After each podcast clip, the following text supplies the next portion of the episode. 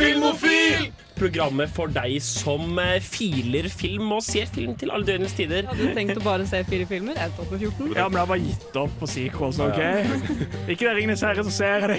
Jeg har stor respekt for Niklas Gersh. Den filmen, den var dårlig. Det er bare å gjøre det. Herregud, jeg er veldig klar over at det showet er skitt. Det er nå TV-ofil. Ha-ha. Du hører på Filmofil på Radio Revolt. Hasta la vista, Ja. baby. Ja, hei og velkommen til nok en torsdagskveld her i selveste Radio Revolt. Vi er Filmofil, og vi har, en, vi har en liten spesialsending på lager til dere i dag. Vi skal nemlig prate om filmmusikk. Eh, Vi har prøvd å kåre våre liksom, topp filmer i, i, i filmhistorien. eh, Topp filmscores i filmhistorien. Ja. Og vi skal dele det med dere gradvis i da, da, løpet av sendinga. Det blir ganske dramaturgisk, Så jeg sier dere. Um, I hvert fall eh, med meg i studio i dag så har jeg fått med meg en eh, ganske fin gjeng. På teknikk så har vi Jaran. Vi har også med oss uh, Jenny. Mina! og, og jeg heter August. Um, vi er fullbesatt. Vi er fem stykker. Sånn Vi er som fem det har vært i studio. gamle dager, når jeg begynte for et halvt år siden. da du var ung, Gøran, da var vi fem stykker i studio. Jeg savner å være ung. Men uh, i- i hvert fall, vi skal snart gå videre til å snakke litt om de, de filmene, eller de score, eller film, eh, filmmusikkstykkene som så vidt ikke kom med på lista. Ja, for det er topp ti. Blir topp ti. Eh, men bare for, for å sette stemningen, så åpner vi rett og slett med uh, hovedtema fra How to Train Your Dragon. Det var altså hovedtema fra How to Train Your Dragon, komponert av John Powell. Og det var ikke helt tilfeldig at vi, eh, vi eh, satte på nettopp uh, musikken fra How to Train Your Dragon i kveld. For vi har uh, kåret uh, våre favorittfilmscores. Og dette var dessverre den som var øverst plassert på din liste, Mina, som ikke kom med. Ja, Av filmene som ikke er på topp ti, så var det denne som lå høyest. ja, jeg ble litt skuffa over at den ikke kom med. Men det er bra at den kom med på Honorable Mentions. Ja, for dette har jo vært en interessant liste nettopp fordi det har vært veldig store sprik. For jeg tror En av grunnene til at How to Train Your Dragon ikke havnet på noen andres liste, var fordi kanskje vi ikke tenkte på den. Det er vanskelig å huske alle filmscorene som skal med på en liste. Ja. Du, du vi ender jo i praksis opp med en kåring hvor alle filmer er valgbare. Ja. Alle filmer i hele filmhistorien Kanskje er mulig å velge, bortsett fra stumfilm, på en måte. Så, og også sånne rockemusikaler, liksom. Den type ja, det, det har vi heller ikke med. Den, den var nesten på lista mi.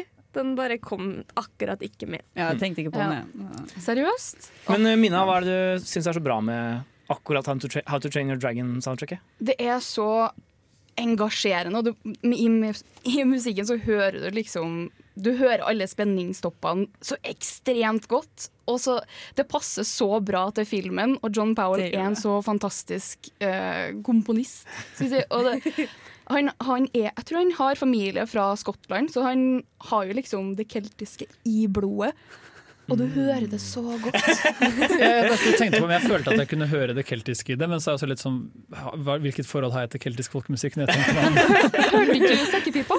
Jo, det var det. Var, liksom, var det litt sekkepiper inni der? Jo, jo, jo. Jeg- Det jeg hører mest, er den trommebiten som liksom driver det fram og holder Ja. hele den der, eh, på en måte, hva skal jeg kalle det, som du sier da, spenningen gående Ja. i soundtracket. Du hører når dragene flyr, og det er så fantastisk. Nei, men jeg, må jo si meg enig i at det kanskje er det, det er et av de virkelig sterke aspektene ved den filmen. da Eh, Som helhet syns jeg kanskje den er bitte litt eh, overvurdert, men akkurat soundtracket har jeg ikke noe å utsette på i det hele tatt. Ja. Jeg liker også artstylen til den godt. Jeg så den for ikke så lenge siden, og den har holdt seg ganske bra rett og slett fordi den ikke har gått for sånn den har gått for en veldig sånn distinktiv uh, artstil. Hvor det, du har- du har et visst, det er litt som Brave. ikke sant? Du har et visst realistisk element i filmen, i animasjonen, med liksom hvordan uh, settingen ser ut. Men du har også uh, disse dragene som er veldig stiliserte, litt sånn tegneserieaktige. Og det har holdt seg ganske bra. Ja, jeg, jeg, innser, jeg har innsett mer og mer med året at det er en sånn film jeg har lyst til å se på nytt og på nytt. Selv om jeg ikke følte jeg likte den så godt første gangen jeg så den. Og det er er jo et godt tegn. plott er litt enkelt, kanskje. Det er en veldig fin film å se når du liksom ikke har noe annet å se, og du har lyst til å bare sette deg ned og kose deg. Da er How to Train a Dragon perfekt. Ja, og så har du òg serien. Som, den er ikke like bra som filmene. Jeg begynte Oi, å se den på et tidspunkt hvor jeg savna filmen. Ja, og det er det som er så flott med serien òg. Men eh, ja, vi, vi skal også snakke om en annen honorable mention før vi, før vi hører på musikk fra den. Det er, det er dessverre din honorable mention, Jenny. Det Er det, det er Schindlers liste. Ja. Og det er jo en film jeg føler alle liker denne filmen. For det er, et, det er et mesterverk av en film. Ja, er og John Williams er jo som øh, Han er John Williams, Ja. så Ja. han klarer å lage veldig bra filmmusikk. Han er en mester av en komponist. Det er han. Ja. Og det er jo um, Det som er litt gøy med det soundtracket her også, er jo at uh, da Steven Spielberg skulle lage filmen, så spurte han jo John Williams om han ville, om han ville komponere musikken til den, men så var John Williams sånn Nei, jeg tror det er, litt, det er litt for mye å ta. Jeg tror ikke jeg er rette personen Jeg tror ikke jeg er rette personen til å ta fatt i det her. Også, men, så gjorde, men så tvang Spielberg det på John Williams. Og det ble et skikkelig bra resultat. Det er jo themes, eh, main themen i Schindlers liste. Det er en sang, eller en låt, jeg begynner nesten å gråte av bare jeg hører den. Mm. Sånn, hvis den kommer på på spillelisten min over sanger når jeg sitter og leser Det kan skje. Eller i hvert fall når jeg er alene. Da, da Mm. pleier det som regel å skje. For den er så vakker. Og det var, jeg var på sånn filmkonsert i januar. Ja. Trine var der også. Mhm. Og da var det, så sa de liksom Ja, nå skal vi spille Schindlers liste. Jeg var sånn, OK, greit. Og så hadde de liksom en solofiolinist som kom opp og så spilte, og det var så vakkert. ja, det var nydelig. Mm, Den er kjempefin. den er veldig, veldig fin. Jeg hadde glemt av at den eksisterte. Jeg hadde nok John Williams på lista. Ja, jeg òg, men den skulle med. Ja, for John Williams er på flere lister, men denne var uh, bare på din. Og Mm. det er også litt gøy fordi uh, den er veldig litt sånn Det er ikke det man tenker på når man tenker på John Williams. Han har ofte en veldig annen stil, som man, det er litt sånn lett gjenkjennelig. Men Schinders liste er mye mer melankolsk. Det passer Og- mye bedre til liksom, tonen i filmen, for filmen Ja. er jo skikkelig deprimerende. Det er jo ikke en standard Spielberg-film heller. Hvis, hvis de hadde brukt på en måte Star Wars-aktig musikk i Schindlers liste, så hadde bare alt kollapsa. Ja, Det hadde vært smakeløst. Det hadde vært så Det hadde smakløst. vært veldig, veldig Det hadde ødelagt filmen. Oskar Schindler vandrer inn, og så kommer det Imperial March. Det blir vel heller når um, Ja, ja. ja, Amon Goethe eller Ja, det var, det var han jeg tenkte på. Jeg bare blandet. eh, du, får, du får den uh, Ja, det er Oskar, Oskar Schindler. Han får på en måte hoved... Ja. Uh, men Oh god. Eh, det, det, er jo, det er jo fare for at vi kommer tilbake til John Williams litt senere på listen også. Eh, så det er bare å bli her og, og få med seg hvilke vi har satt aller høyest av han. Men i første omgang tenker jeg vi bare hører på ja, Ja. hovedtema fra Schindlers liste også. Mm. det var altså hovedtema fra Schindlers liste. Den er så. Den er, eh, den er veldig, veldig sår. Ja. Eh, jeg har jo også eh, Jeg hadde jo også mange filmer som ikke endte opp på vår endelige topp eh, ti-liste over best filmmusikk. Um, og jeg, jeg merka veldig med meg selv da, vi, da jeg ble bedt om å sette opp dette, at jeg akkurat, akkurat musikk sliter jeg veldig med å forholde meg objektiv til. Ja. Jeg har på en måte ikke språk nok til å, liksom, til å, til å rangere musikk på samme måte som jeg føler jeg kan rangere film. Da. Vi er ikke et musikkprogram, liksom. Nei, men, men jeg merker at det er, det er, en, det er en svakhet jeg har sånn, en, i mitt møte med kultur generelt. Da. Nei, men det er også særlig med filmmusikk, er jo det at den musikken får du som regel først et forhold til når du ser en film. Og det er jo det filmmusikk skal gjøre. Den skal bygge opp under en scene. Så det emosjonelle tilknytningen du kanskje føler til musikk, som du plutselig elsker, kommer like mye fra det du så på skjermen som det som du hører i musikken, og vice versa. Ja, det er sånn noe med at Hvis du har filmmusikk som du husker altfor godt, Mm. så er det ofte på bekostning av av den emosjonelle investeringen i selve scenen. Da. Ja. Så, så sånn sett så sliter jeg men, men poenget mitt er i hvert fall at jeg endte opp med å bare finne fram de, de soundtrackene jeg hadde mest sånn personlig eh, godt forhold til. Jeg, ja, jeg kåra dette på samme måte som jeg på en måte så på film da jeg var 13, på et vis. Det var bare sånn Den liker jeg fordi Og jeg har ikke noen god grunn til det. Den er så fin. Den den skal så- ja. med. Ja, eh, og den her er nok det beste eksempelet på det på hele lista mi, egentlig. Det er eh, 'Beasts of the Southern Wild'. Jeg vil ikke overrasket i det hele tatt over at den ikke dukket opp på noen, noen andre lister, men den, på en måte, den, den hørte hjemme hos meg. Den er veldig fin, da. Jeg, jeg, jeg er veldig glad i det soundtracket. Det er jo skrevet av han som regisserte filmen, Ja. eh, Ben Zeitlin. Um, Og jeg, ja, jeg vet ikke, filmen traff meg veldig, veldig, veldig hardt da jeg så den på kino. Um, og jeg merka veldig fort at Eller med en gang jeg hørte på soundtrack etterpå, så innså jeg at oh ja, men dette, dette var en del av grunnen. um, Soundtrack er jo veldig sånn midt 2010 indie-pop, holdt jeg på å si. Egentlig, føler jeg. Du, du, har, en, Mm. du har denne Hva skal man kalle det? Du har liksom litt sånn, det er, det er litt banjo og sånn honky-tonk-sound inn der, men det er veldig sånn popstruktur på soundtracket, overraskende nok. På Beast of Southern Wild. Som i seg selv er ikke så, det er ikke så popfilm. Nei. Men, men på en Det er mer indiefilm. Ja, veldig, veldig indiefilm. Den er så erke-indiefilm at det nærmest er parodisk. Men, eh, men soundtracket Jeg vet ikke, den, det, det bare gjorde at jeg Jeg blir veldig følelsesmessig berørt av det. Og det gjelder nesten hver gang jeg setter meg ned og hører på det. Eh, så, så ja, det, det, det hørte hjemme på min liste, men jeg skjønner på en måte godt at det ikke fant, fant veien inn på lista sånn overall. da ja. Men, eh, og, og dessuten så var den eh, Once There Was A Hush Puppy, som er den satsen jeg har hørt mest på, uh, den var alt- altfor lang. Så Jeg tror seks meter er litt lenge å ha en radio den har blitt eh, sendt på Filmofil tidligere, faktisk. Hey. Det var, det var før Ah. jeg ble tatt opp, så det er, det er mange herrens år siden. Men I gamle eh, dager da Radio Revolt var et lovløst sted. ja, ikke sant?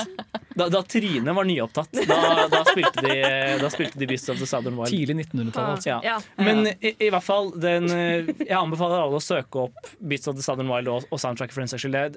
Jeg, jeg blir i hvert fall veldig berørt av det. Eh, Men som sagt, vi rekker ikke å, å høre noe fra Beast of the Southern Wild. Jeg vil bare nevne at det, det er et soundtrack, soundtrack jeg bryr meg mye om. Men eh, Trine, du, hadde, du hadde også mange filmer som ikke endte opp med på selve topp ti-lista Ja, vår. akkurat nå så skulle jeg ønske at jeg hadde hatt Up mye høyere opp enn eh, det den Du skulle hatt up. up. Men eh, i hvert fall den du hadde høyest plassert som ikke nådde helt med, det Ja. var, eh, det var eh, musikken til Alexandre Desplat fra Mm. The Grand Budapest Hotel. Ja, jeg har, jeg, på lista mi så har jeg Desplat ganske høyt. Og så gikk jeg gjennom hva han har gjort tidligere i dag, og jeg bare Faen, han har liksom gjort så mye som jeg er skikkelig glad i. Jeg bare, jeg tror Desplat kanskje kan være min favorittkomponist etter John Williams, liksom. Hva slags andre filmer er det han har? Eh, han har noen siste Harry Potter-filmer. Han har Rise of the Guardians. Han har mye sånn. Så -hmm. når, jeg liker liksom til The Imitation Game òg, for så vidt. Ja, den er fantastisk. Oh, ja. Den er også veldig fin. Den hørte jeg på vei hit.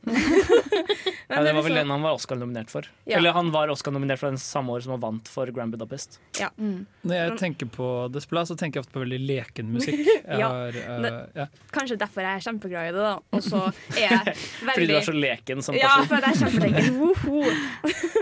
Det er fordi det er liksom, uh, musikken syns jeg gjør Grand Budapest så mye bedre. Det Mm. går liksom så godt med stilen TV Sanderson at det skal ikke være lov engang. Ja. Det er dritgøy å sitte og se på og høre på den fine, gøye musikken som spilles. og den fanger på en måte både atmosfæren som du føler at Anderson vil ha i Grand Ja. Budapest, men også litt tidsperioden, hvis det er riktig å si. Ja, Uh, bare på, eller kanskje ikke tidsperioden like mye som stedet, rent sånn geografisk. Du får en litt sånn Sentraleuropeisk Sentraleuropeisk Ja, film. jo, men du gjør det. ja. Nei, men jeg, jeg skjønner, hva du mener, men det er, en, det er en veldig, ve- det er et veldig, veldig søtt soundtrack til en veldig søt film. Ja. Skal vi rett og slett høre Mr. Mustafa? Ja. Ja, velkommen tilbake til Filmofil, her vi eh, snart skal kåre våre topp ti favorittfilm... Eh, eller vår topp ti favorittfilmmusikk. Men eh, før vi går løs på selve lista, så har vi en sånn honorable mention igjen. Eh, Jaran, det var en film som kom veldig høyt opp på din liste, som ikke, ikke kom med. Det var mange som gjorde det. Men ja. jeg har lyst til å fort anbefale Social Network-soundtracket. Det er så fuckings fett. Mm. Det var heller ikke med. Uansett hva du skulle si, August. For uh, Taxi Driver var vel din høyest eh, rangerte film som ikke, ikke Eh, kom med. Sjokkerende nok, uh, for å spoile bitte litt, topp ti-lista vår har ikke noe Bernard Herman på seg. Mm. Og han er kanskje mest kjent som samarbeidspartner med Alfred Hitchcock. Han eh, lagde Psycho, Psycho. Wii, wii, wii. Eh, ja. August sin var bedre enn min. Eh, det sier jeg ofte om August. Men, men han gjorde også musikken til Taxi Driver, og Taxi Driver fanger noe veldig spesielt for meg. Både i musikken og som film generelt. Jeg, jeg er litt svak for denne perioden på 70-80-tallet hvor New York ble fremstilt som det verste fucking stedet i verden. Uh, og Taxi Driver har denne den veldig sånn Den har et fantastisk sånn jazzy uh, love theme, Mm. uh, som jeg syns er veldig, veldig fint. Og sånn det syns jeg faktisk er oppriktig vakkert, den biten. Og så har den en veldig sånn tung, øh, bombastisk Herman er vel en bombastisk uh, komponist, veldig mye av det han eh, skrev, både til Hitchcock og andre. Men den er veldig sånn tung Du føler liksom at nå skjer det noe veldig alvorlig. Er, er, um, I låten hans. Jeg gidder ikke prøve å nynne dem, for det kommer snart. Ja, men det er noe med, det er noe med uh, Taxi Driver-soundtracket som, som du sier, som høres veldig New York ut på en eller annen måte. Ja, det Det er fanger hvert de varme, skitne gatene. Det fanger den myten om New York. Mm. Eh, som både er veldig assosiert med, med jazz og sånn. Jeg vet ikke, det, det, det er også et veldig bra soundtrack. Altså, jeg så Taxi Driver for første gang for et par dager siden, eh, og soundtracket var noe av det jeg likte best med filmen. Eh, det, var, det var noe av det jeg likte med filmen. Men det står også som en veldig sterk ja, Det står også som en veldig sterk kontrast til på en måte, hvor blek den filmen faktisk er. Ja, Soundtrack har veldig mye liv i seg, ja. uh, mens filmen er jo eh, rett og slett deprimerende. Den er ikke så veldig hyggelig. Nei. Eh, det er en av de beste filmene om å, å sakte, men sikkert måtte miste seg selv. 100% Ja. Men eh, det er også til tider vondt å se på. Det er en fantastisk rolle Rolle De Niro og veldig god film. Og jeg syns soundtracket fortjener mer oppmerksomhet. For Herman er f- kanskje mest husket for Psycho, Ja. Eh, men Psycho er ikke så lyttervennlig. Du tenker aldri nå har jeg lyst til å høre på Psycho-soundtrack. Sitter på lesesalen og skal ha på noe i bakgrunnen. Jeg har, jeg har Psycho på lista mi og laga en Spotify-liste med alle filmene jeg hadde på topplista mi. Og når det plutselig kommer til femteplass, så hører jeg bare og bare, oh God! Så når du skal sove, så hører du bare Skummelt. Det er i hvert fall veldig mye god musikk til Taxi Driver, og vi skal nå høre rett og slett eh, hovedtema også fra den filmen. Eh, ja, bare nyt. For et program i burra med både klasse og stil. Du hører på Filmofil. Ja, det gjør du, og vi er nå klare for å begi oss løs på vår topp ti beste filmmusikk gjennom tidene. Det er, det er ingen liten liste vi er i ferd med å begi oss ut på akkurat nå. Nei, helt topp ti-liste. Vi snakker om tidene, altså Tid. all Ja. tid. Og uh, vi skal kanskje så langt tilbake til at vi nesten må i en tidsmaskin for denne. Eh,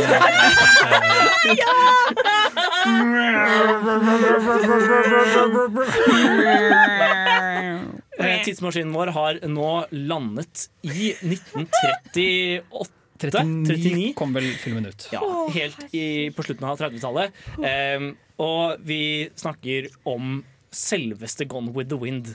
Justert for inflasjon, den høyest uh, hva heter det, sånn innbringende filmen noensinne. I hele, hele filmhistorien. Ingen film har tjent så mange penger, ingen film har vunnet så mange hjerter, tør jeg påstå. Ja, men Gone with the Wind er sånn, det er fortsatt en klassiker. Mm. Folk så den liksom 100 ganger når den kom ut, eller det er kanskje en myte, men det er liksom Og, og jeg føler den er, den er fin å ha med på lista, ikke bare fordi det er så grandiost i seg selv, men også som en, på en måte, representant på gamle Hollywood. Mm. For de lagde en annen type komposisjoner da enn de gjør i dag.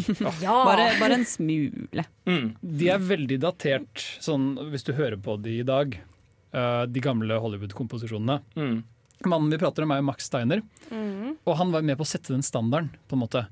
Eh, jeg tror King Kong, som han også satte musikken Ja. til, er på en måte holdt som en av de første filmene som, som hadde en musikk som var satt til enkeltscener på denne måten.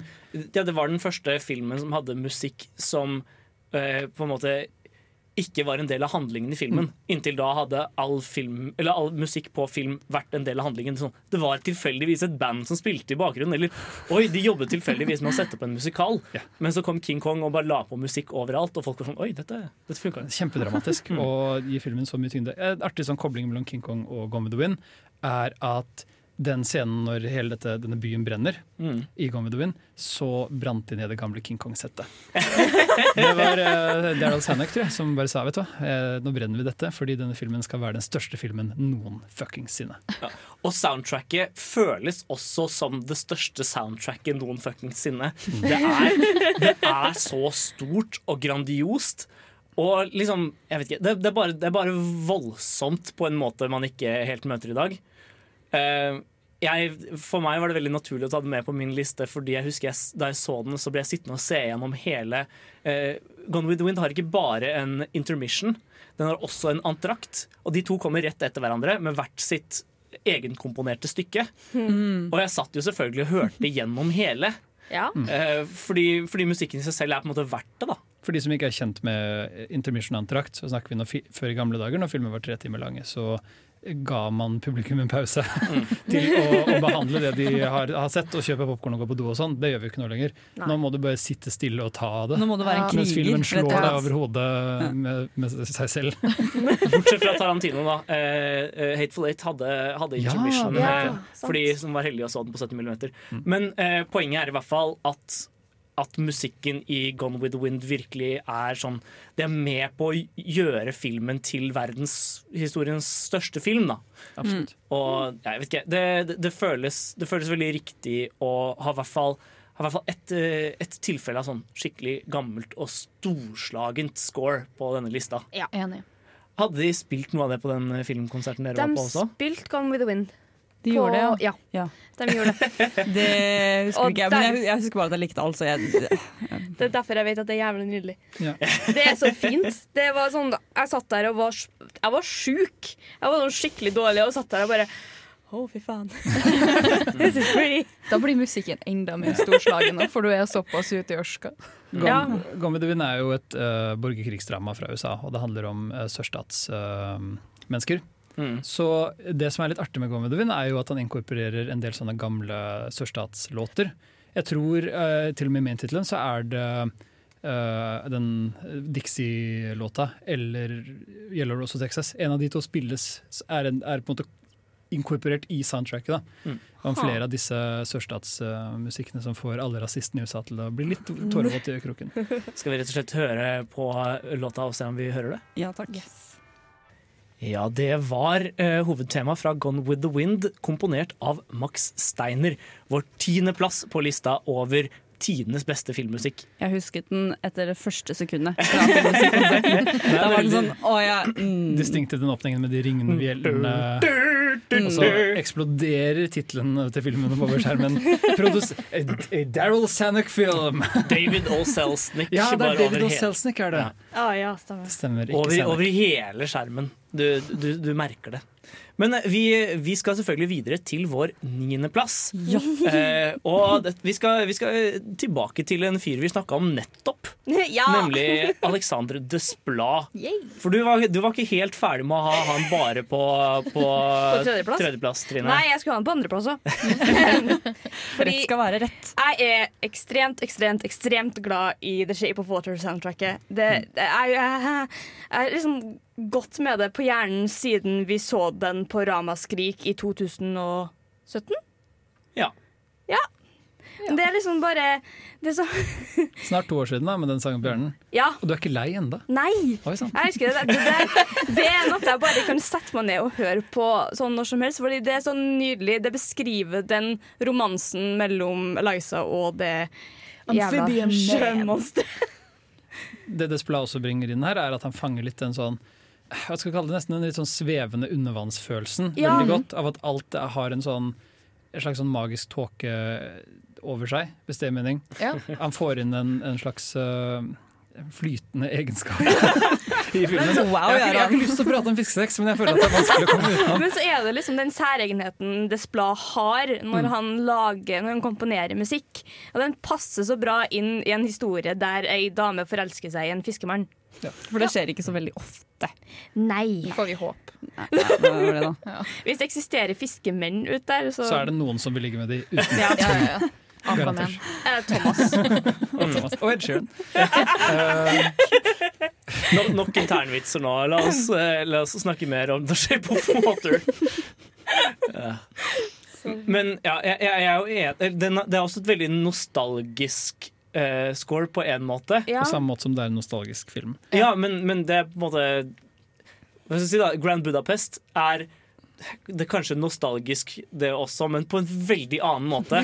det, det er som du sa i stad, Aron, vel så mye en slags sånn, eh, lengsel tilbake til et, et, et, et veldig konkret geografisk sted.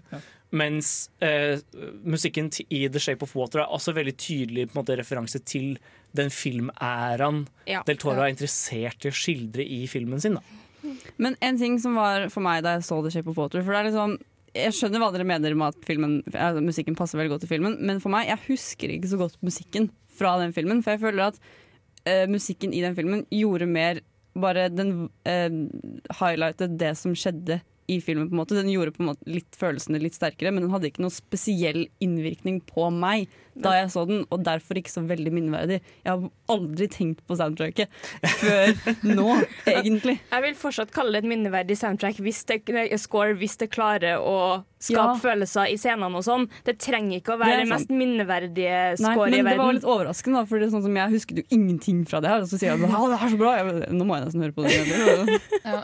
Som en person som ikke har sett Shape of Water ut av trass. Eh, ja, vi er der. Eh, så vil jeg si at soundtracket var overraskende bra. Jeg har gått og hørt på de siste dagene, og jeg uh, tok meg sjøl i å gå og plystre på det en dag da jeg kom hjem. Jeg ble litt sjokkert, for det er ikke noe jeg vil plystre på, men det er et vakkert soundtrack. Ja. Eller soundscore. Dette er jo debatten når man lager en liste over de beste filmmusikkene. Hva gjør filmmusikk bra? Mm. Er det det at den er bra å høre på? F.eks. Social Network Soundtrack. Som bare er bang etter banger? Uh, eller er det bare det at det som vi måtte ha sagt før, underbygger de rette emosjonelle øyeblikkene, knytter deg enda tettere opp til filmen og egentlig ikke legges merke til? Hva er best? Et soundtrack som trekker masse oppmerksomhet til seg, eller et soundtrack som bare gjør filmen sterkere?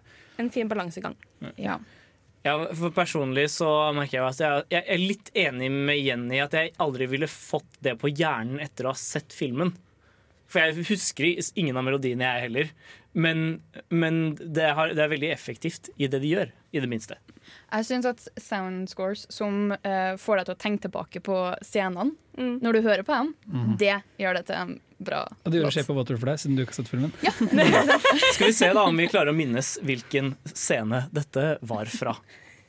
Her fikk vi altså The Shape of Water eh, fra The Shape of Water, komponert av Alexander Desplat. Eh, men vi hopper rett videre til åttendeplassen på vår kåring over tidenes beste filmmusikk. Og hva er det, August? Det er uh, av, kanskje av en av de komponistene som alle forventer skal være på en sånn topp ti-liste. Eh, vi snakker om Hans Zimmer, og vi snakker om soundtracket fra Gladiator. Oh. Dette var også en av dine, et av dine hjertebarn, eh, Mina. Ja, jeg syns hele Gladiator-soundtracket er så fantastisk. Og det, det Jeg føler det bringer meg til Roma. Det er den ene tingen jeg føler det soundtracket ikke gjør. bare så sagt. Jeg liker det veldig godt, men det er sånn Det er én ting jeg aldri tenker på, er Roma når jeg hører soundtracket. Jeg hadde den nesten på lista mi. Jeg satt og vurderte det skikkelig fordi Gladiator det, var, det er en film Jeg har flere av disse, blant annet Cinema Paradiso, som jeg også hadde på listen min, men som ikke kommer på listen. Jeg vil bare nevne den, for den er også veldig bra. Social Network. Men for det er sånn uh, Gladiator er en film For jeg, for jeg fant et sånn album en gang på Spotify hvor det er sånn to cellofolk som har liksom laget Å, ja. masse De heter Two Cellos eller noe sånt. Ja, ja, ja. Og der var det en sang, main-themen eller noe sånt fra Mhm. Gladiator. Og den begynte jeg å høre skikkelig mye på. Og så så jeg Gladiator, og så var det sånn Dette er så vakkert. Ja, det er så mye musikk i Gladiator som er så bra. Jeg hadde så lyst til å, sette, til å nominere Barbarian Horde, men den er på sånn ti minutter. Fordi det han Simmer gjør her, kanskje mer noe, annet, er at han scorer actionscenene mm -hmm. veldig veldig godt. Ja. Mm. Uh, kanskje mer enn de roligere dialogscenene og de atmosfæresettende scenene, synes jeg. da. Ja, okay. Han er veldig hard på strengene. sånn du, du, du, altså, Du føler strengene driver uh, actionscenene veldig godt ja. og hardt framover. Det, det, er fine sånne themes der òg, men det er det jeg kanskje merker ut, gjør seg best. Men det jeg syns er så flott med det uh, soundscoret her, at det overgangene er så nydelig. Du kan sitte og Mm. høre på soundscoren, og du merker ikke at det bytter til neste låt. Eller til neste score. Og det, det er så fantastisk. Og så Honor Him, som er uh, den Åh, den er så vakker. Uh, det er sånn Og så har du Det er ei låt som heter eh, The Wheat. Uh, hvor han eh, den- Russell Crowe går Ja. gjennom Ja. uh, og sånn. og det er en rolig låt, og den er så fin. Og den ja. Noe av det som er interessant med, him, med Himmer Simmer. Kim Simmer. Hans Himmer. Ja. Sim Hammer. Nei. Eh, Hans Zimmer i et, i et uh, filmmusikkhistorieperspektiv er at han er, mark eller han er med på å markere på en måte inntoget av folk som ikke har jazz- og klassisk bakgrunn, men mer rockemusikkbakgrunn, inn, i, inn som filmkomponister. Og det, har man, og det merker man ganske godt på en del av, av musikken hans. Det er som du sier under actionsekvensen hvor han er veldig liksom hard på strengene, og det på en måte er mer sånn Jeg vet ikke. Det er ganske Er det lov å si hard på strengene? Er Hard på det, strengene. Ja, ja, det er Jeg lov å si. jeg akter å si hard på strengene. Deal with it. Eh, poenget er i hvert fall at man i mange tilfeller kan høre at hans eller at mye av musikken hans bærer preg av å komme fra mer sånn rocketradisjon enn fra, fra jazz og klassisk tradisjon. Da. Det er nesten mer riff-basert. Hvis Ja. det er det du Ja, eller til tider kan du høre at han har riff uh, i, eh, i på en måte sine orkestrale verker. Og det gjelder enda mer i verk Eller i f.eks. The Dark Knight-trilogien Ja. og, og lignende. Men, eh, men det er tendenser til det allerede på tidlig 2000-tall. Det må jo også kanskje nevnes at eh, noe av sangen, musikken du hører i Gladiator, den hørte man igjen i Pirates of the Caribbean. Eh, jeg tror ikke det er i det tracket vi skal høre nå. Nei, men greia med det at han hadde jo han, Det er ikke han som har komponert uh, Som står som hovedkomponist på første soundscore til um, uh, Pirates. Men de hadde så lite tida, for de hadde egentlig ansatt en annen som skulle komponere scoren. Og så altså, fikk Simmer og han andre karen et par måneder tror jeg, på å ordne det soundtracket til Pirates. Så da var han sånn, ja, da bruker vi glede. Ja, så det Jeg er har sånn, det, jeg får det ikke ut av hjernen min, jeg må bare bruke det. ja, så, så den ene lille delen i The Barbarian Horde og The Battle som er lagt i moll, mm. altså sånn bitte litt modifisert. Sånn at man egentlig ikke skal høre det, men som man Ja, egentlig hører. men Gladiator kom først. Ja. Ja. Og det er, kanskje, det er vel kanskje best også. Ja. Vi skal i hvert fall høre 'Honor Him' fra Gladiator nå.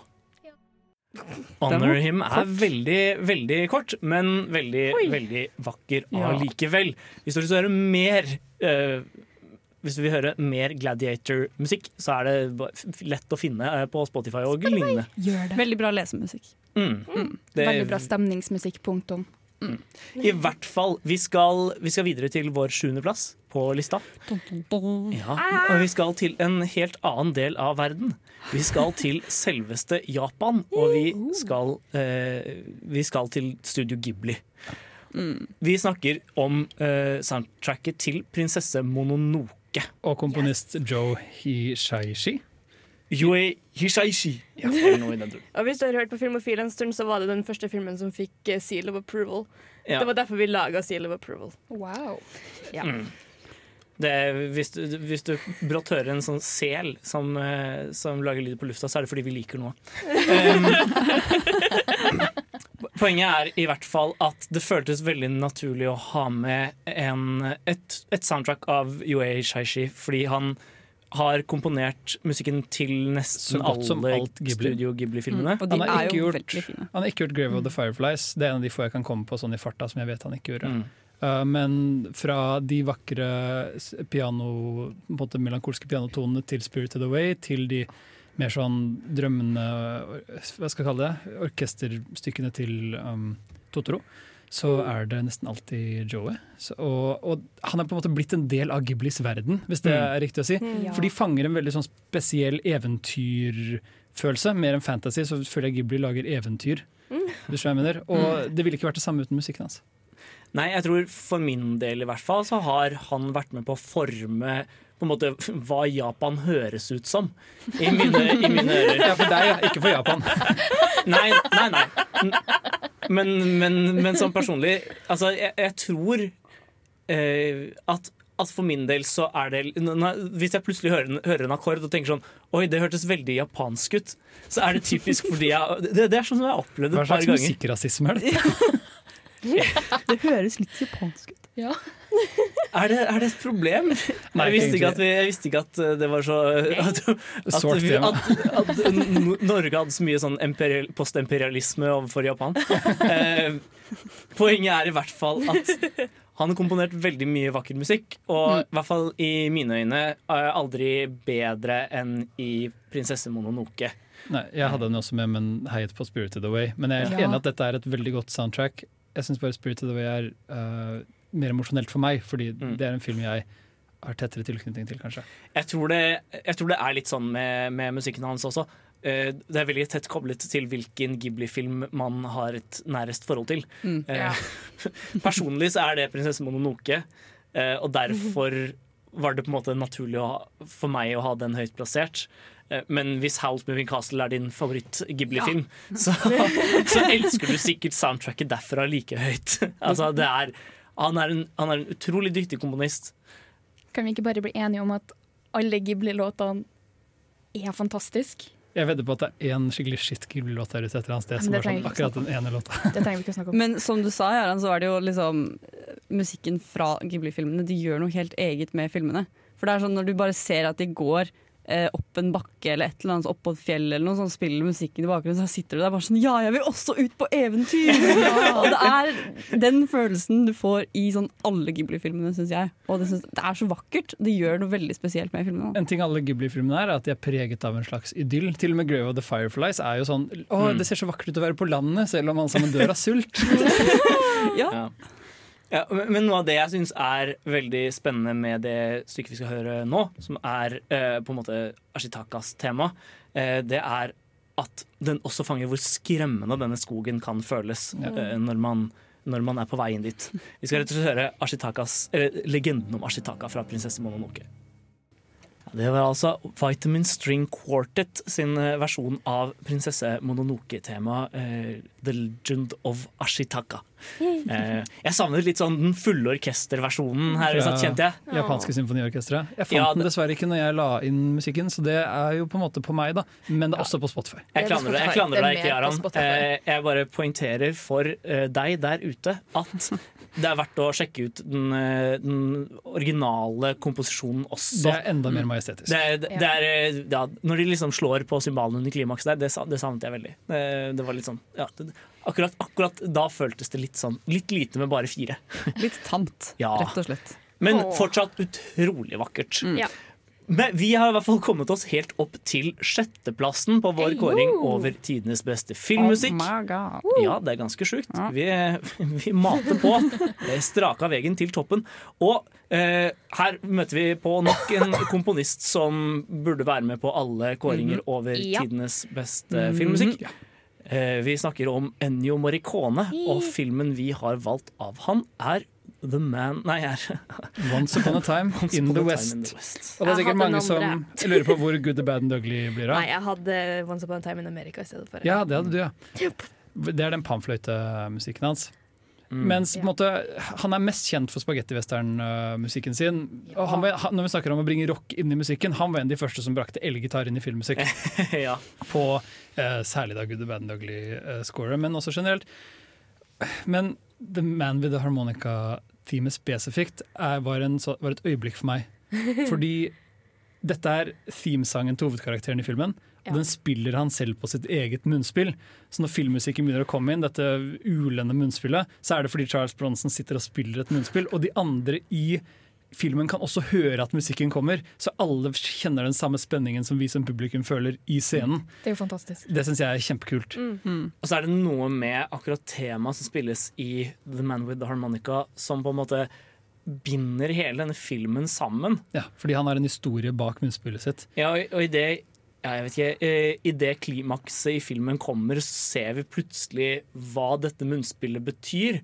Eh, sammen med på en måte virkelig den fulle orkesterversjonen av det temaet vi støtter på allerede Spilt på munnspill allerede i første scene Ja. på togstasjonen.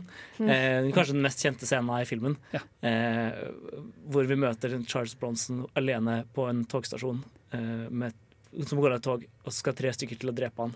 Og så skyter han alle tre. Og så faller han òg, for så vidt. Men uh, hele den scenen det er bare en venting, og hele filmen er en slags sånn et sånn siste åndedrag før død. Filmen har en sånn en konstant følelse av at det er noe som kommer og det, altså, mot deg som du ikke kan stanse.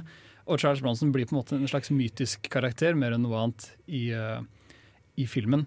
Jeg har en annen scene jeg liker veldig godt, og det er inni denne lille saloonen ute i ørkenen, hvor han sitter i et hjørne helt inne bakerst. Og du kan ikke se han, du bare hører lyden. Og så tar en av de andre karakterene lanterne, som henger i en sånn tråd. Så, så svinger han den inn i rommet, akkurat idet soundtracket bygger til en sånn til en, peak.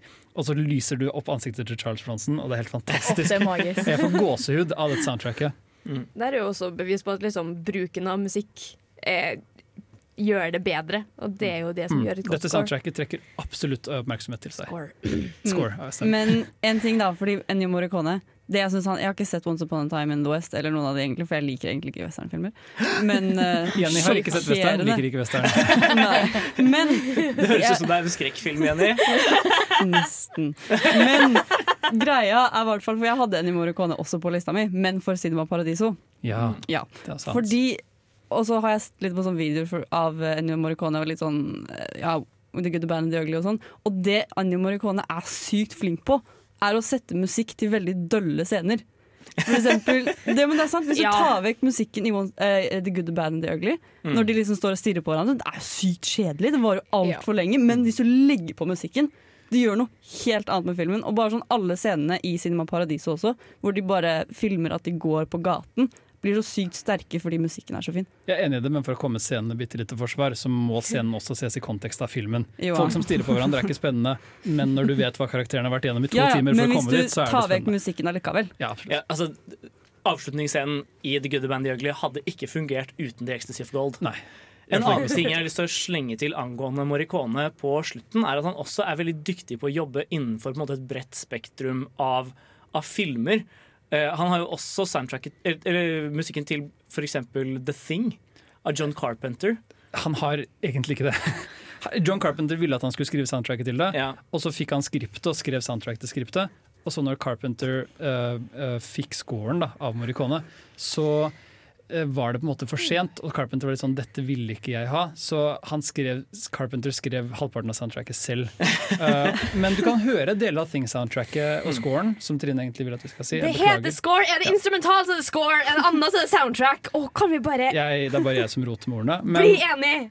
ja, vi er enige. Uh, det er bare jeg som roter. Så kan du høre det i The Hateful Eight. Store Mm. deler av den scoren er i Hateful Eight. Poenget er i hvert fall at De har en veldig annen fil enn The Good, The Bad and The Ugly, og nå skal vi høre The Man With The Harmonica. Der var, fikk dere altså The Man With The Harmonica fra Once Upon a Time in the West. Gåsehud. Jeg er, liksom, jeg er skikkelig tilbake i western med en gang det munnspillet kommer. Det er, ah, det er helt fantastisk. Vi skal eh, videre til vår femteplass. Kan dere tro vi er halvveis allerede? Oi, oi, oi. Oi. Eh, vi skal tilbake til en komponist vi har, eh, har snakket om tidligere. Og dette er kanskje det mest kontroversielle innslaget på hele topp ti-lista vår. Eh, men, eh, men du kjempet den inn, Mina. Vi Ja. snakker om Spirit. Ja, kanskje en av mine favorittfilmer noensinne. Den er så fantastisk. Og det som er med scoret til filmen her, det er at du lever deg sånn inn i hesten. Og det er sånn når, jo, men Seriøst! Når Spirit springer, og du har ørna som flyr, og du har themesangen, og du bare sitter her og tenker at ja jeg er, jeg er én med Spirit. Jeg føler den amerikanske ånden. Ingen har noensinne følt den filmen så sterkt som deg. Faktisk ikke det heller. Jeg tror kanskje, jeg tror kanskje sånn alle jenter som drev med hest på barneskolen, følte den omtrent sånn. Jeg fikk aldri drive med hest. Det var det som var problemet. Så det var derfor du så Ja. Spirit Ja. istedenfor. Som en sånn uh, erstatning for hestejentegenet. Ja. Jeg så faktisk Spirit sånn i hvert fall 50 ganger i året siden den kom ut. Frem til jeg var kanskje 14. Ja. En gang i uka, i hvert fall. ja, det var et par ganger hvor jeg så den i hvert fall fem ganger per, eh, på én kveld. Oi, Det var, ja. det er, det er en lang spiritkveld. ja.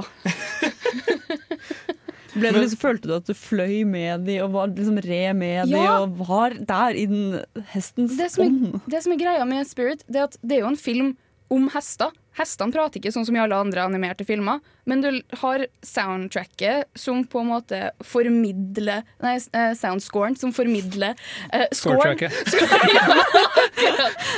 Du har scoren som formidler følelsene til hestene og folkene i filmen òg, selv om at de kan å prate, siden de er mennesker. Det bør vel nevnes at scoren er av Hans Zimmer. Ja. Eh, for det tror jeg vi glemte å si. Jeg sa at vi hadde snakket om han tidligere i kveld. Ja, okay. ok. men, eh, men, men ja, det er, det er selveste Hans Zimmer. Ja. Um, Det er nok et, et av hans mindre sånn, Det er ikke så mange som husker det like godt som deg, da. Nei, men det er uh, det, er for, på all, det er fortsatt Hans Zimmer. Du kan høre at Mm. han gjør ikke en dårlig jobb her heller. Det som er litt interessant, er at den soundtrack-biten av musikken er av Bryan Adams. Ja! uh, på en måte, som også har vært med å skrive musikk til den filmen. Men du hører i scoren Jeg tror det er i det første scoren eh, som jeg prøvde å slenge med, som var for lang. Eh, som er på seks-sju minutter. en note av en elgitar. Jeg hørte det. Det og det, ja, det syns jeg var teit. jeg, jeg, sånn, jeg så for meg at på filmen så skjer det noe når den nota spilles. Og så ser du bare en gitar oppe i himmelen som faren til Simba bare er det som spiller. Nei, jeg, jeg, jeg, jeg så jo Spirit jeg, jeg tror kanskje vi så den på SFO en gang, men jeg hadde helt glemt den. Eh, og så så jeg den på nytt igjen for et par år siden. Og jeg ble bare distrahert av Bryan Adams. Hver gang Bryan Adams kom, så var jeg sånn Å nei, det her var kleint. Åh, Men det er jo du, så fantastisk. du, Jeg trodde du var ferdig da du hadde skrevet The Summer of 69, Ja. Men, Men nei da. ok. Jeg tror han fortsatt selger ut konserter hele verden rundt. det, Brian Ja, Bryan Brian Adams er jo fantastisk. Han er en fanskare Det sier, Det var- kanskje, det sier kanskje litt om min uh, amerikanske patriotiske ildsjel som jeg har dypt inni meg. Når at Er det ikke han er canadier? Jo, men han er jo veldig sånn Det er Jenny som burde elske han. Men ikke la, ikke la oss ikke la noen shame deg for å like hverken Spirit eller Brian Adams, for nå er den på vår offisielle topp 10-liste. Så Og det er det samme som et femteplass. sånn en- kvalitetsstempel. Den er over den er over Denne slo alt av marihuana. Å, hjelp!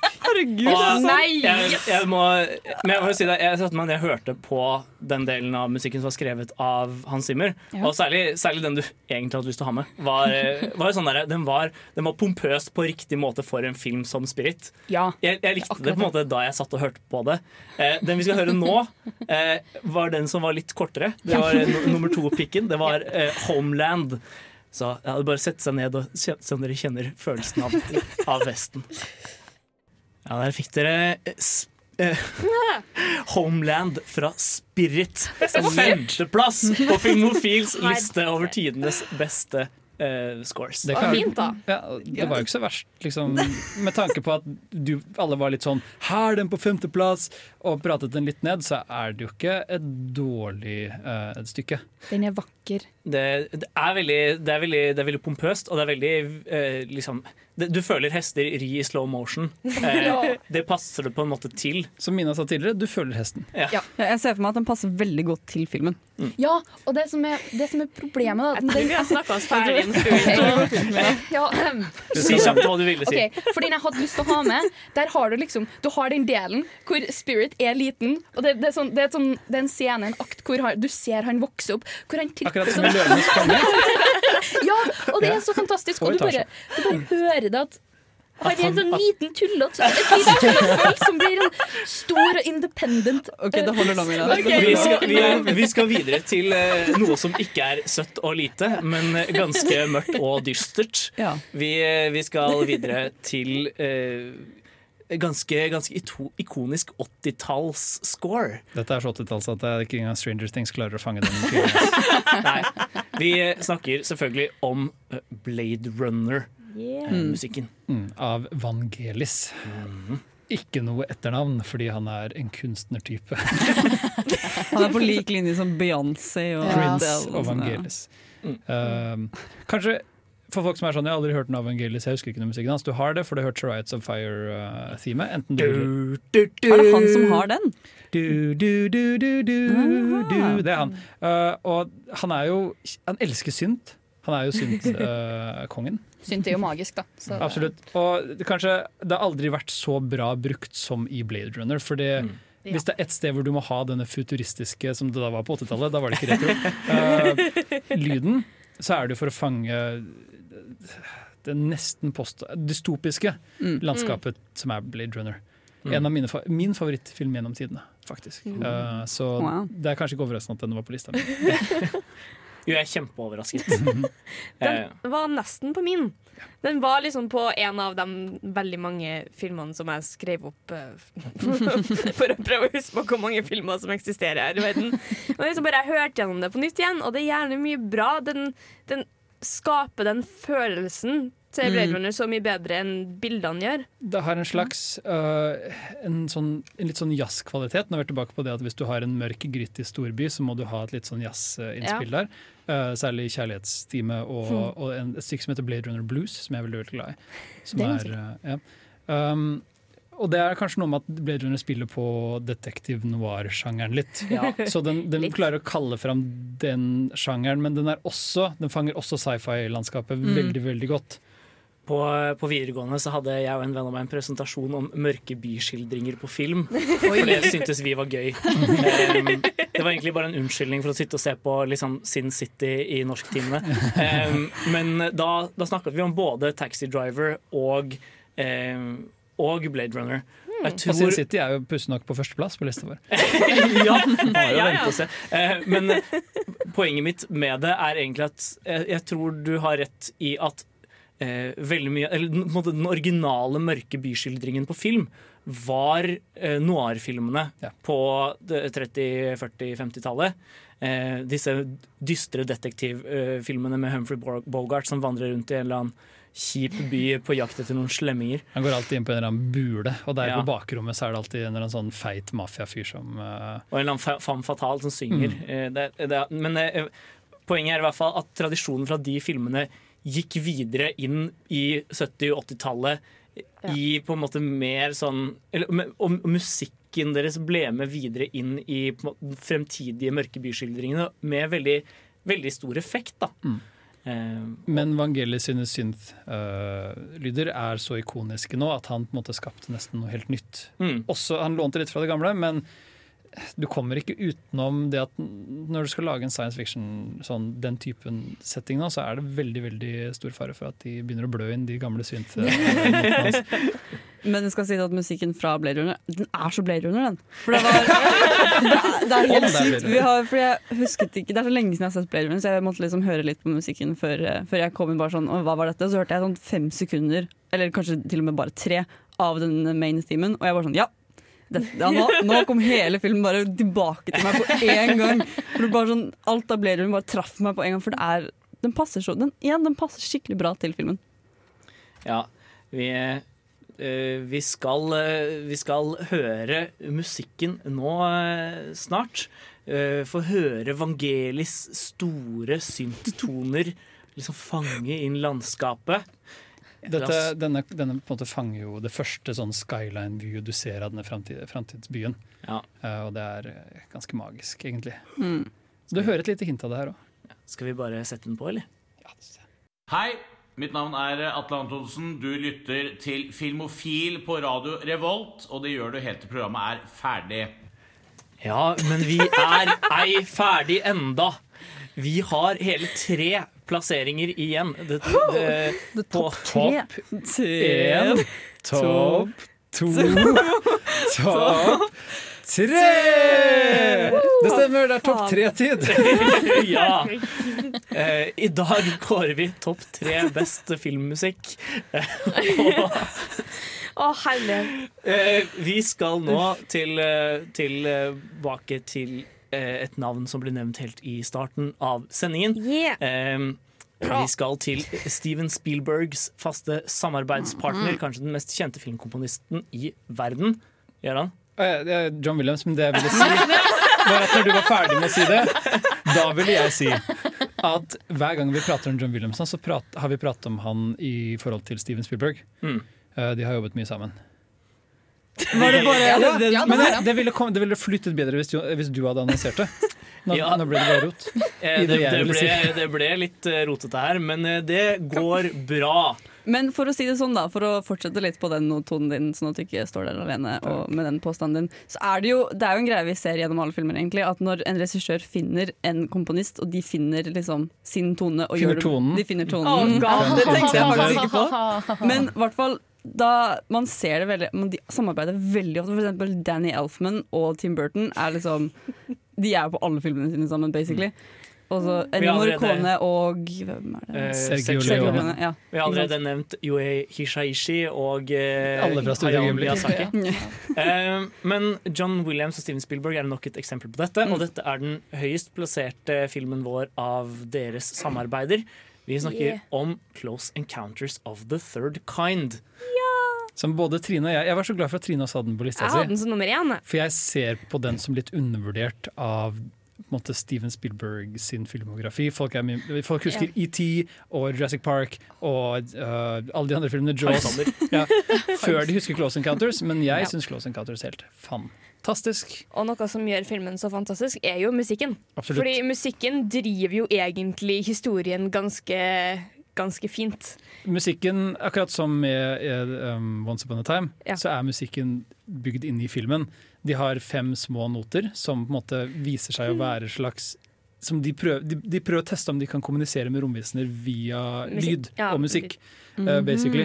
Ja. Uh, og de har en helt sånn historie på liksom de Hva heter det? Um, Francois Truffaut Mm. Ja. spiller fransk eh, sånn vitenskapsmann i denne filmen. av en eller annen grunn. Den kjente regissøren Francois Truffaut. Ja, jeg jeg, jeg syns han er kjent, men ikke alle andre. Men han reiser jorda rundt og jakter ned disse tonene. Ja. Mm. eh, som en del av som liksom et subplott i filmen, mens Richard Dreyfus sakte blir gæren i, i sitt lille hjem. For han blir bortført av romvesener og er helt fast bestemt på å finne Han, han vil finne det romskipet.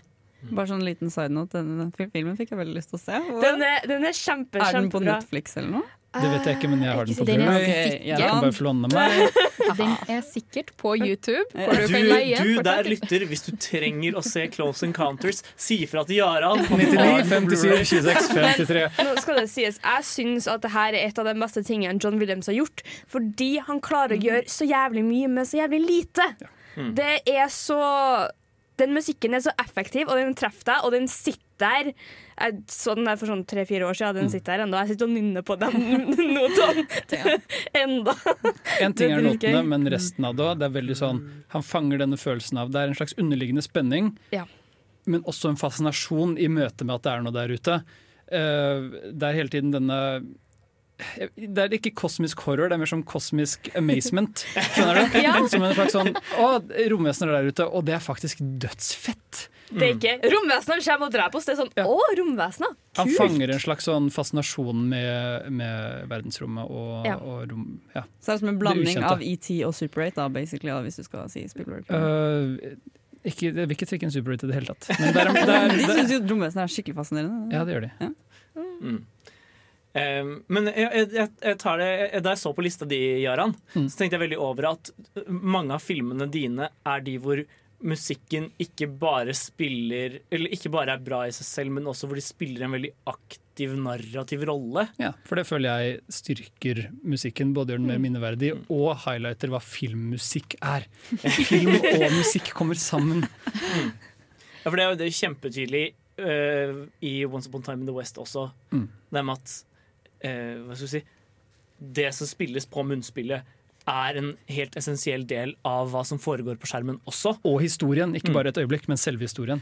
Og det samme er jo helt klart definitivt tilfellet tilfelle i, øh, i øh, Close Close Encounters. Encounters også. Fordi det tracket vi skal høre nå, August, Mhm. det er jo uh, fra Det er møte.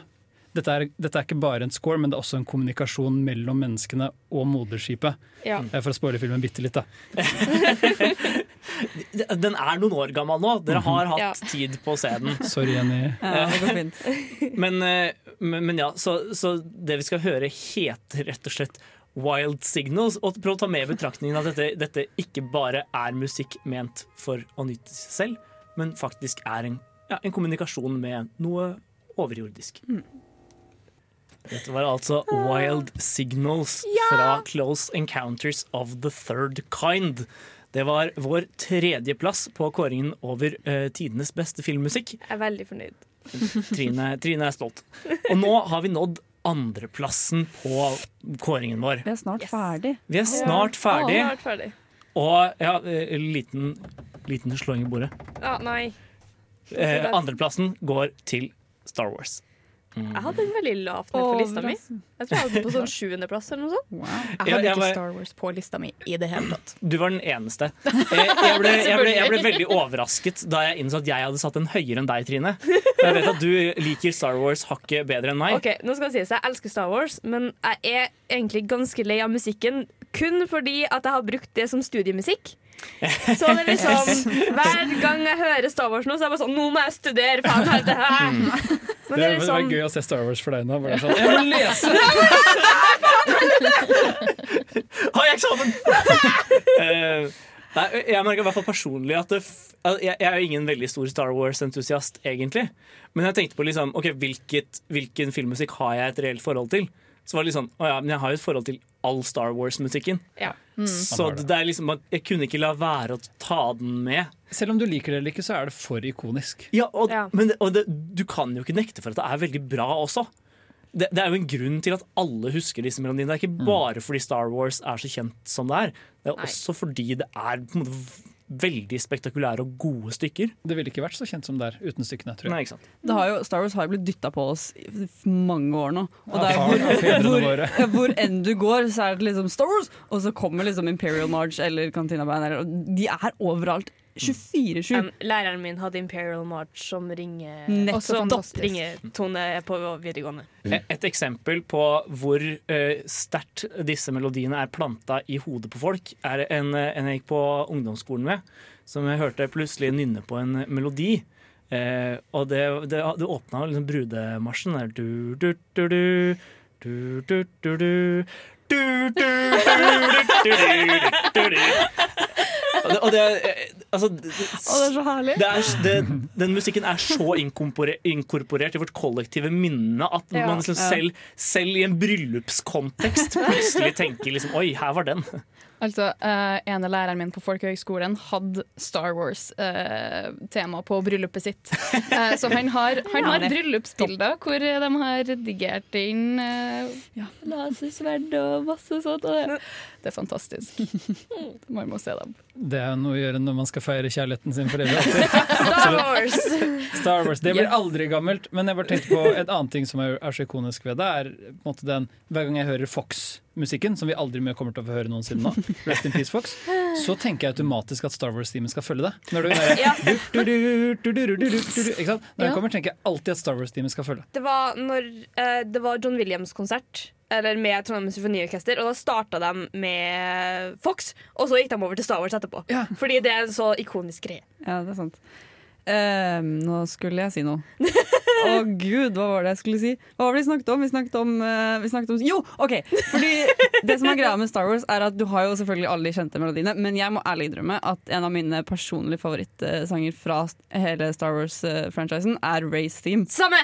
Ja, jeg hadde race Theme! elsker den sangen så mye. Fordi Jeg- jeg har en svakhet for fløyte, da. Det skal sies, for jeg har spilt fløyte i ti år. Men, eh, og hele sangen er egentlig bare fløyte. Så jeg syns den er skikkelig skikkelig vakker. Den er nydelig. Den er liksom, fordi jeg er litt lei Eller jeg er ikke lei, jeg elsker jo sangene fra Star Wars, men jeg, det, er, det er så overalt. Ja. Så å høre noe litt annerledes som Race Team, veldig tror, forfriskende. jeg tror vi alle er en smule lei av Star Wars. En smule. Jeg har sett uh, Star Wars på maraton tre ganger, alle filmene, og jeg husker fortsatt ikke sånn alt. Eller det er jo umulig å huske alt, men det er, sånn, det er ingenting som har bringt seg fast, bortsett fra musikken. Mm. Og kanskje den, den uh, racescenen. Den, den, Now er- this den is pod racing. Den som, ja, er den den som ripper av eh, Flåklypa, mener du? Ja, Ja. 100% Men jeg vil bare si at fra sequelene, de siste to filmene, så ingen av den musikken har satt seg fast. Fra både prequels og originale så har jeg klare musikkminner. Duel of the Fates fra Phantom Menace, eksempel. Kjempepompøst. Men Race Team aldri bitt meg merke i. Og jeg har spilt Lego-spillene, liksom, og de har scora på huet og ræva ut med den nye musikken. Ja, men greia er jo at de, selv om den nye musikken har kommet, og sånn, så de dytter på deg de gamle sangene allikevel. Om de gjør. Så det er liksom, De dytter ikke på deg de nye så mye som de burde gjøre, egentlig, fordi Race Team er skikkelig skikkelig vakker. Dette spiller er inn på et argument jeg har, som er at Star Wars er kreativt bankrott. De klarer ikke å komme på noe nytt. Ja, men eh, det, det jeg tenker, eller Grunnen til at Star Wars endte opp på min liste, på tross av at jeg ikke bryr meg så mye, er jo, er jo de klassiske melodiene. Eh, de, de, altså, det, det er få ting som føles så truende som The Imperial March, på et vis. Altså, hvis, du, hvis, hvis, man, hvis man klarer å glemme folk som cosplayer som stormtroopers et, et, et lite øyeblikk, så er det en ganske mektig karakterintro i eh, Empire Strikes Back. Darth Vader er skumlere takket være den musikken. Ja, særlig, Ja. Darth, Wa- Darth Vader i den første Star Wars-filmen er jo ganske komisk. Han er en bitch, egentlig. Ja, han er skikkelig bitch. Mens, mens plutselig i The Empire Strikes Back, når, når han kommer inn med The uh, Imperial March, så er han en truende skikkelse. Ja, det er sant. Men det er ikke den vi skal høre nå, fordi vi skal høre en mer jazzbasert eh, låt. skal vi ikke det? Jo. Eh, Noe av det som er verdt å huske på her, er jo at eh, John Williams, i motsetning til Hans Zimmer, har, har mer jazzbakgrunn enn ja, rock- rockebakgrunn i Hans Zimmers tilfelle, og kanskje Ja. mer sånn klassisk komposisjon i tidligere filmkomponisters tilfelle. Eh, og det beste eksempelet vi kunne finne på det, var eh, Jaran sin, eh, sin favorittmelodi Ikke fra Race Theme, men den evig ikoniske. Cantina Band.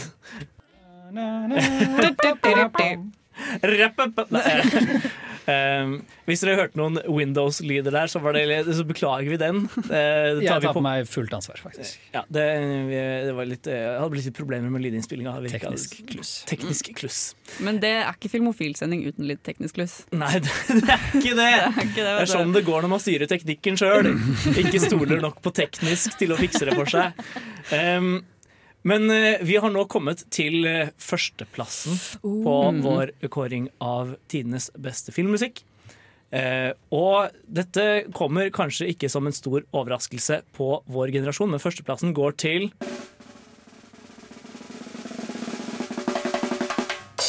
Ringenes herre-trilogien. Yes! Den trommevirvelen er altfor lang. Den, her, Ja. den har, den har, den har ca. to sekunder for lang, tror jeg. Jeg liker den symbalen på slutten. Ja, den, den, Men det er den gjør ikke seg. den trommen vi skal snakke om nå.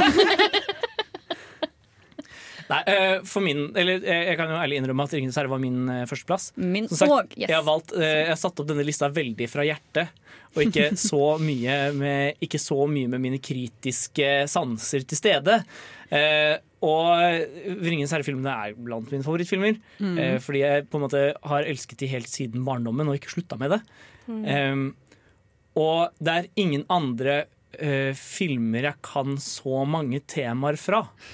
Ja, fordi de er veldig gode på det også i 'Ringenes herre'. For du har liksom eh, Alle de temaene som kommer, de, de spiller det ikke for mye. Men de spiller det ikke for lite heller, så når de først spiller de, så spiller de det ordentlig. Det er ikke sånn bare liksom bakgrunnsmusikk som kommer litt sånn av og til.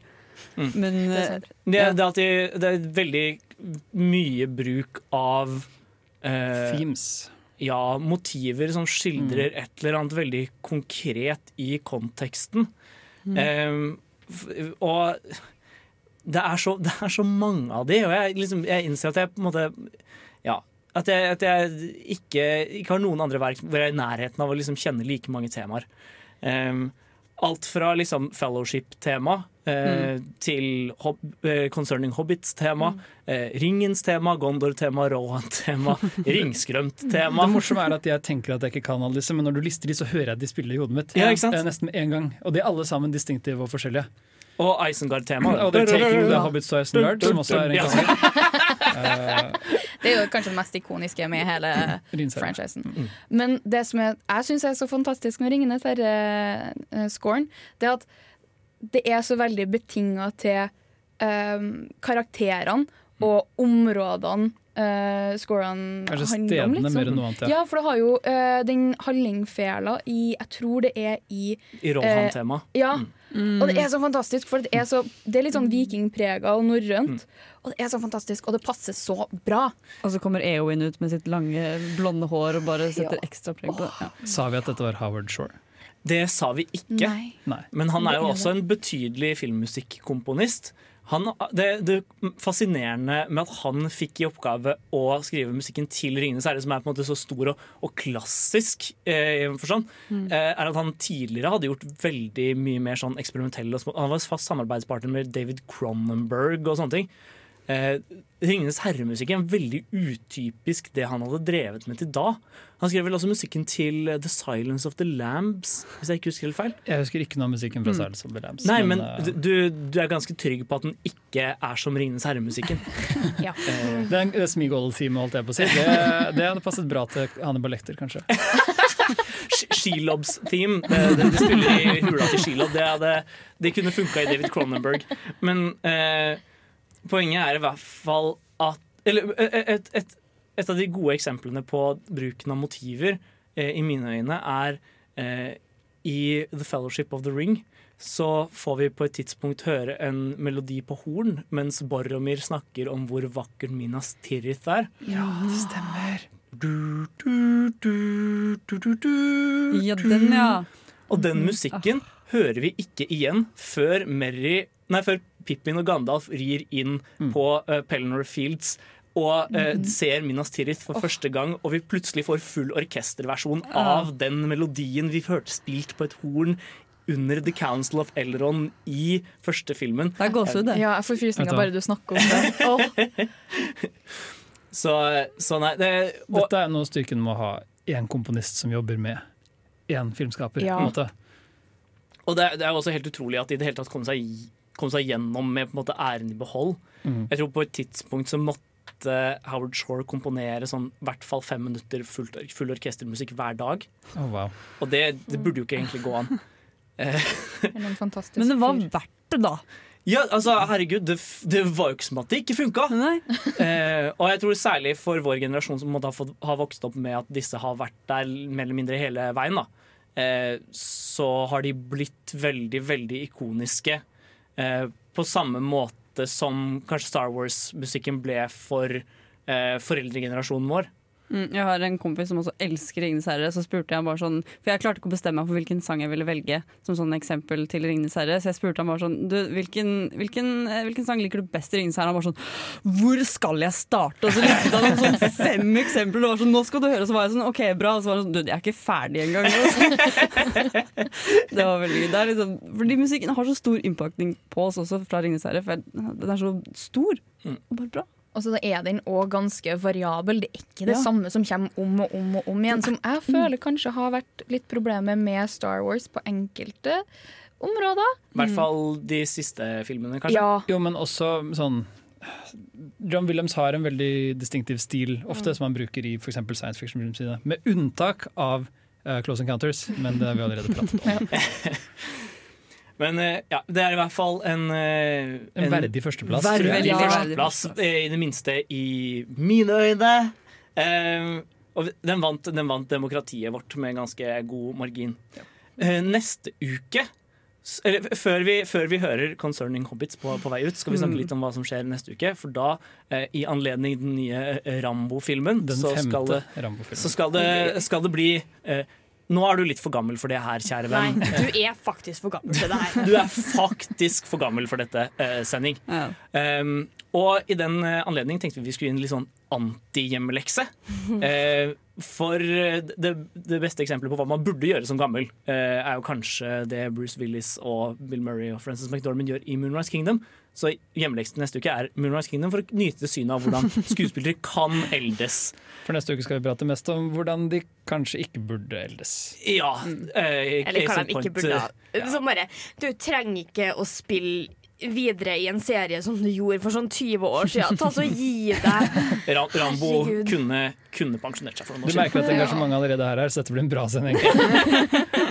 Men eh, i hvert fall, eh, i studio i dag så har vi vært på teknikk. Jaran, dessverre. Å Nei, du er flink, Jaran. Men vi har også hatt med oss Jenny. Mina. og, Trine. og mitt navn er August. Eh, hvis du vil høre sendingen på nytt, så kan du sjekke den ut på eh, radiorevolt.no slash programmer slash filmofil, eller i din favoritt-podkast-app Hør Eh, musikken. med musikken. Nå skal vi høre eh, 'Concerning Hobbits' fra Ringenes herre. Det er Ja. bare å nyte det på vei ut. Ha det Takk bra. for oss.